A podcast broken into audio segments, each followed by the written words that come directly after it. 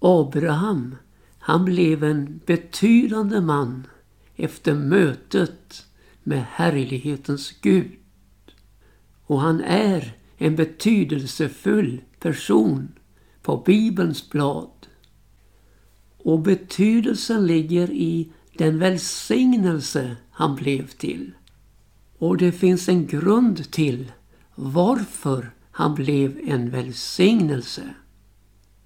För det första mötet med härlighetens Gud som uppenbarade sig för honom. För det andra, genom tron var han lydig när han blev kallad.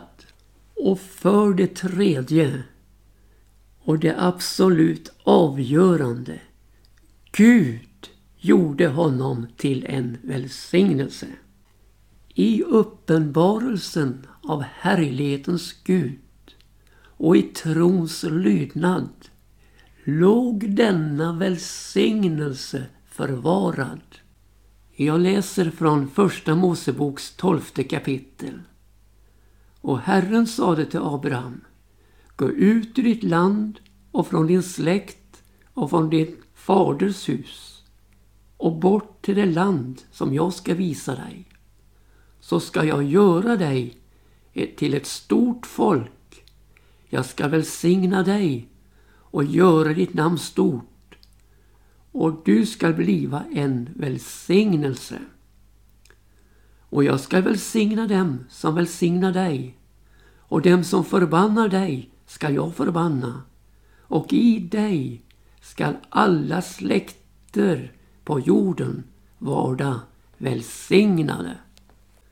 Och det finns ingenting som är så stort här i livet som att få bli en välsignelse. Och det blev Abraham i rikligt mått. Vi har ju berättelsen om Abrahams liv och vandring här i tiden beskrivet i Första Mosebok i flera kapitel. Men så har vi också Nya testamentets undervisning i breven, i apostlagärningarna och inte minst av Jesus själv. Då det talas om denne Abraham och den välsignelse han blev till. Och det ger oss en förståelse och inblick i andliga ting utan motstycke.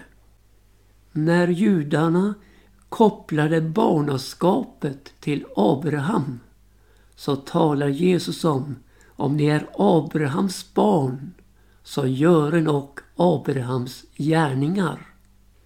Men Jesus han drar fram det här viktiga att förbliva i honom. Alltså inte åberopa fädernas släktskap utan ett förblivande i Jesus Kristus. Om i förbliven i mitt ord så är ni sanning mina lärjungar. Och ni ska då förstå sanningen och sanningen ska göra er fria. Och då kommer just det här fram. Vi är Abrahams säd och aldrig varit trälar under någon. Hur kan du då Jesus säga att vi ska bli fria? Och Jesus svarar dem Sannerligen, sannerligen säger jag er var och en som gör synd han är syndens träl. Men trälen får icke förbli i huset för alltid. Sonen får förbli där för alltid. Om nu sonen, alltså Jesus, gör er fria så blir ni verkligen fria. Ja, släktskap, om det så nu gäller med självaste Abraham, så hjälper det inte på syndens makt i en människas liv. Utan här ska till den frigörande sanningen, ordet. Ja, Jesus Kristus, Sonen som gör verkligt fri. Jo, Jesus ger sitt erkännande till deras släktskap. Han säger Jag vet att ni är Abrahams barn. Men, säger han, ni står efter att döda mig eftersom mitt ord inte får någon ingång i er. Så gjorde inte Abraham. Jag talar vad jag sett hos min far, så gör och i vad ni har sett hos er far. Är ni Abrahams barn, så gör och Abrahams gärningar, säger Jesus. Och vi förstår att Jesus, han erkänner inte detta fader-son-förhållande som frälsningsgrundande tillgång. För här har det kommit en fruktansvärd potentat emellan som styr deras livsföring. Jesus säger, ni har djävulen till er far. Vad er fader har begärelse till, det vill ni göra. Han har varit en mandråpare från begynnelsen och i sanningen står han inte. Ty sanning finns inte i honom. När han talar lögn, ja då talar han av sitt eget. Ty han är en lögnare, ja lögnens fader. Och det åberopade friheten, den var en lögn. Och visserligen fanns det ett släktförhållande med Abraham generationer tillbaka. Men det saknades ett förhållande i gärning och sanning. Och så går samtalet vidare i ett allt mer upphetsat tonläge. Och Jesus, han detroniserar hela deras trygghet med Abraham och släktskapet till honom som frälsningsväg. Och kommer med sitt underbara erbjudande. Sannerligen, sannerligen, säger jag er. Den som håller mitt ord, han skall aldrig någonsin se döden. Ja, då tar det skruv. Abraham har dött, profeten har dött. Och till vem gör du dig själv Jesus? Och Jesus klargör att det är hans fader i himmelen som förlänar honom den här äran. Han som ni säger är er Gud. Men, säger Jesus, ni känner honom inte. Men jag känner honom och håller hans ord. Abraham han fröjdade sig över, säger Jesus, att han skulle få se min dag. Han fick se den och blev glad. Och då kommer judarna igen och säger 50 år gammal är du inte ännu och Abraham har du sett? Ja, säger Jesus, förrän Abraham blev till är jag. Och låt oss klart och tydligt slå fast att Abraham, han är en man från tiden. Men Jesus är en man från evigheten. Och han är densamme igår, idag, så och i evighet.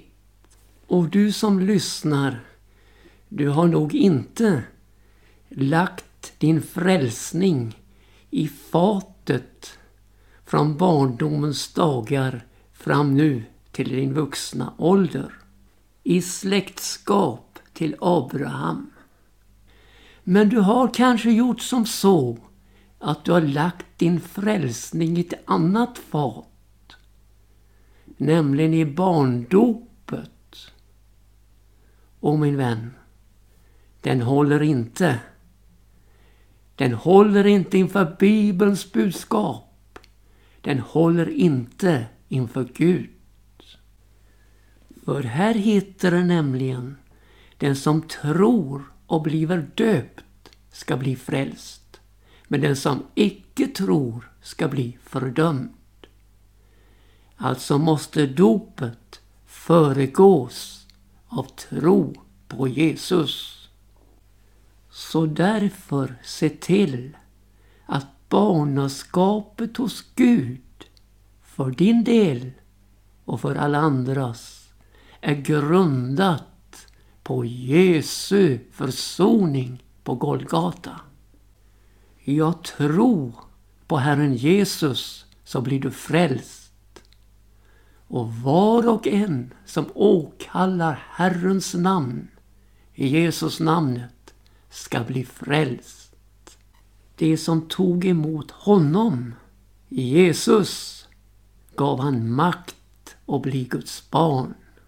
Åt den som tror på hans namn. Och det har blivit födda av Gud. Än en gång, om Jesus gör dig fri så blir du verkligen fri. Det jag här har talat om det finns i Johannes åttonde kapitel. Och nu vill jag gå till Apostlagärningarnas sjunde kapitel. Stefanus tal till folket och hans martyrdöd. Vilken beskrivning av Israels historia. Koncentrerad men så innehållsrik. Och här får då också Abraham sin plats i berättelsen. Och den helige Ande låter oss få veta i denna predikan förutsättningen för uttåget, Abrahams uttåg ur staden Ur. Härlighetens Gud uppenbarade sig för honom. Och vi får veta att kallelsen nådde Abraham redan i det kaldeiska Ur. Ja, där i stadens myller och kultur. Där nåddes han av kallelsen att dra ut från sitt land, sin släkt och gå till det land som Gud visade honom.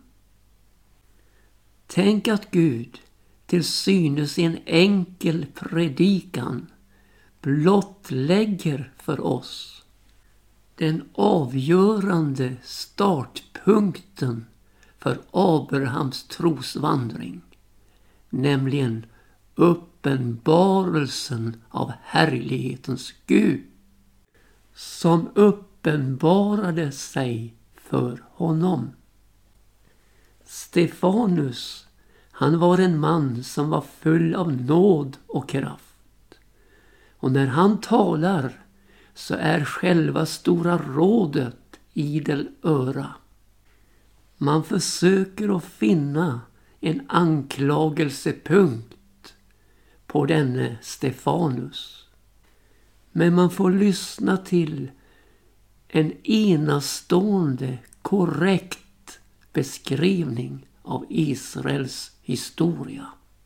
Inte en mening av det som sägs kan nonchaleras.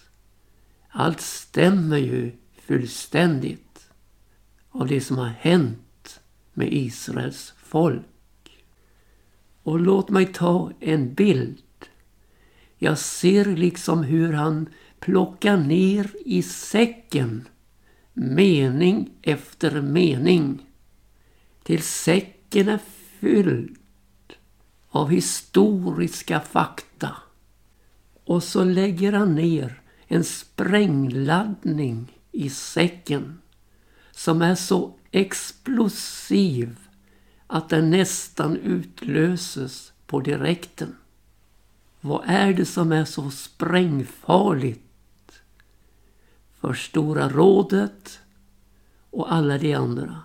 Jo, den högste bor icke i hus som är gjorda med händer. Och så tar han fram vad profeten säger. Himmelen är min tron och jorden är min fotapall. Vad för ett hus ska ni då kunna bygga åt mig, säger Herren. Och vad för en plats skulle tjäna mig till vilostad. Min hand har ju gjort allt detta. Men du, Stefanus, han hade ännu en sprängladdning med ännu större kraft till sitt förfogande. Nämligen evangelium som är Guds kraft till frälsning för var och en som tror. Ja, den laddningen, den övergår den historiska beskrivningen i styrka. Gud, han reducerar aldrig sitt budskap. Men han komprimerade. Och då, då blir det sprängfarligt för mörkrets makter. En gnista och ljuset från evangelium bryter fram. Och hela viftan av Guds ord slår ut i en explosion av frihet för den fångne. Komprimeringen kan ske mening efter mening och budskapet kan uttryckas i några få ord. Ja, faktiskt i ett enda ord. Jesus. Det enda namn under himmelen bland oss människor givet genom vilket vi kan bli frälsta. Och tänk att en uppriktig åkallan av namnet Jesus är nog för att upprätta kontakten med Gud.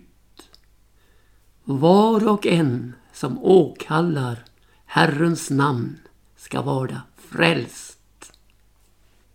Jo, det finns en ung man här, Salus av Tarsus, som sitter och passar på kläderna medan de andra kastar sina stenar. Och Stefanus, han åkallar och säger Herre Jesus, tag emot min ande. Och så lägger han faktiskt ner tändanordningen framför den unge mannen Salus av Tarsus fötter. När han faller ner på sina knän och ropar med hög röst. Herre, tillräkna dem icke denna synd. Och när han sagt detta avsomnade han. Här gick en spjutspets in i Salus hjärta. Och luntan, evangelie underbara eld var tänd.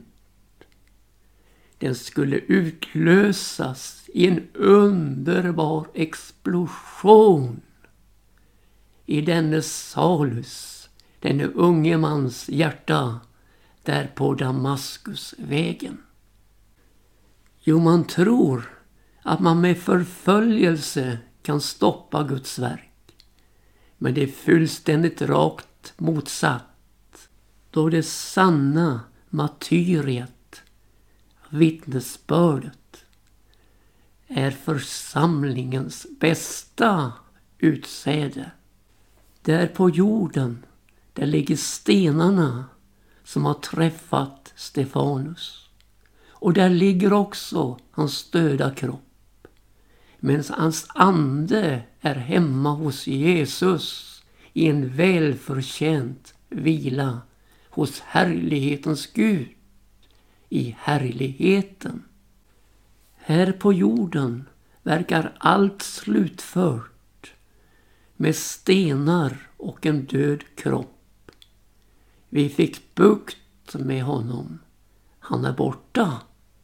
Men du, det har bara börjat. Vetekornet föll i jorden och förblev icke ett ensamt korn utan utbredandet av evangelium om Jesus Kristus skulle nå hela den då kända världen genom händelserna, halleluja, som skedde där när Stefanus får till himmelen. I förlåtelsen ligger ju evangeliets kärna. Tillräkna dem icke denna synd.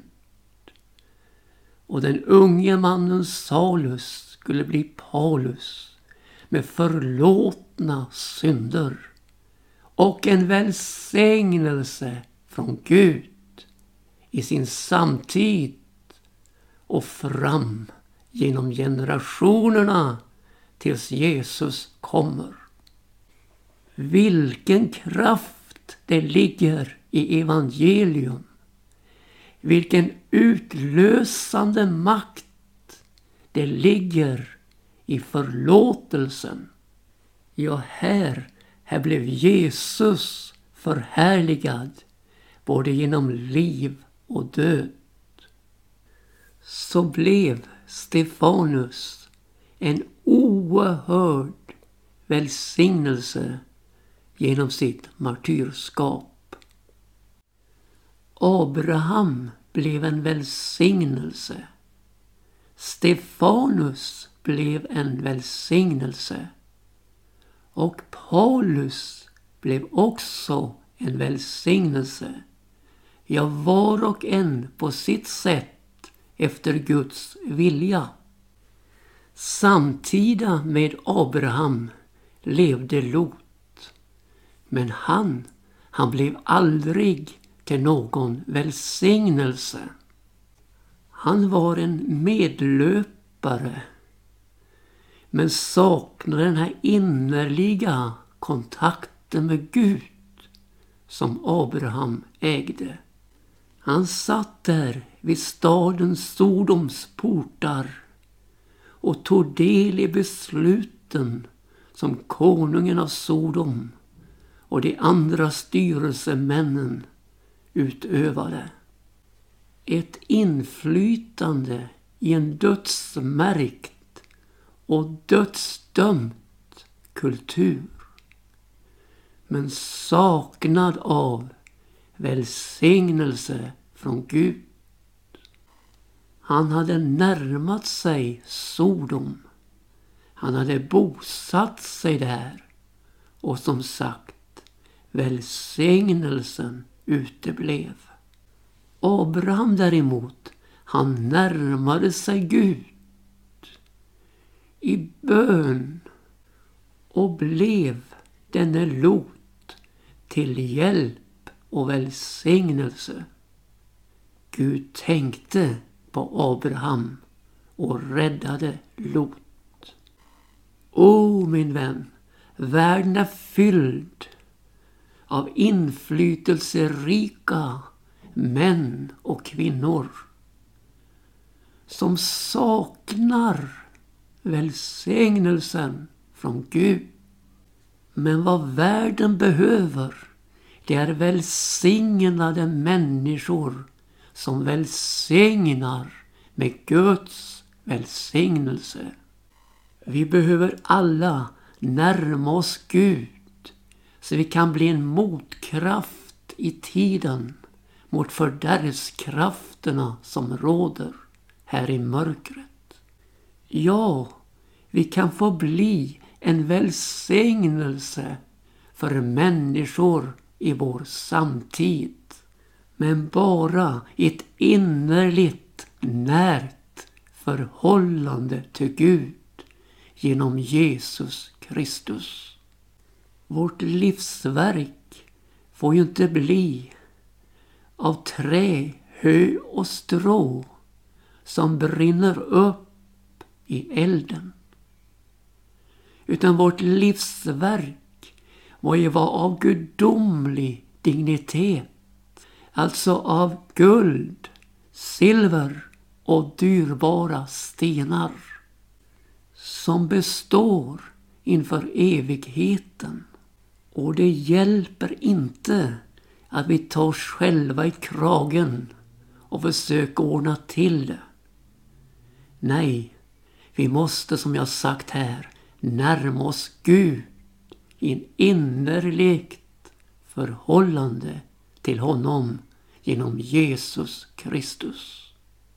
För det är ju han som välsignar och det är ju hans välsignelse det gäller. Som vi, du och jag broder och syster, ska föra ut i livet. Må Gud hjälpa oss, var och en, så vi blir den välsignelse Gud har tänkt vi ska bli. Dagarna flyr, med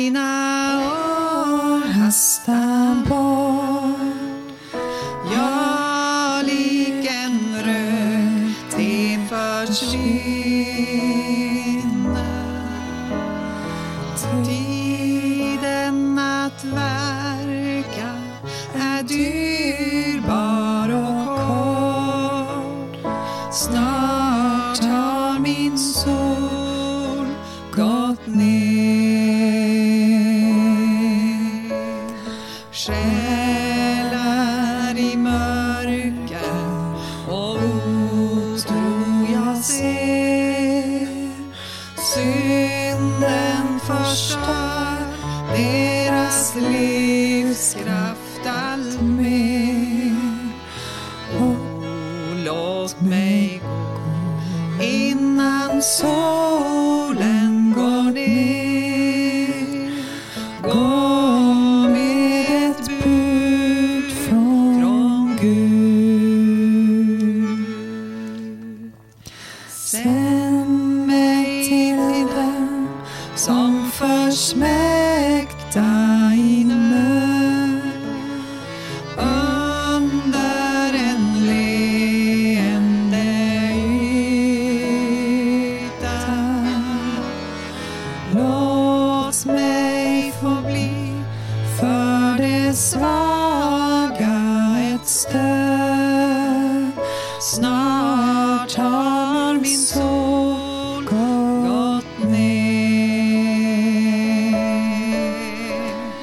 Hastigt det korta minuter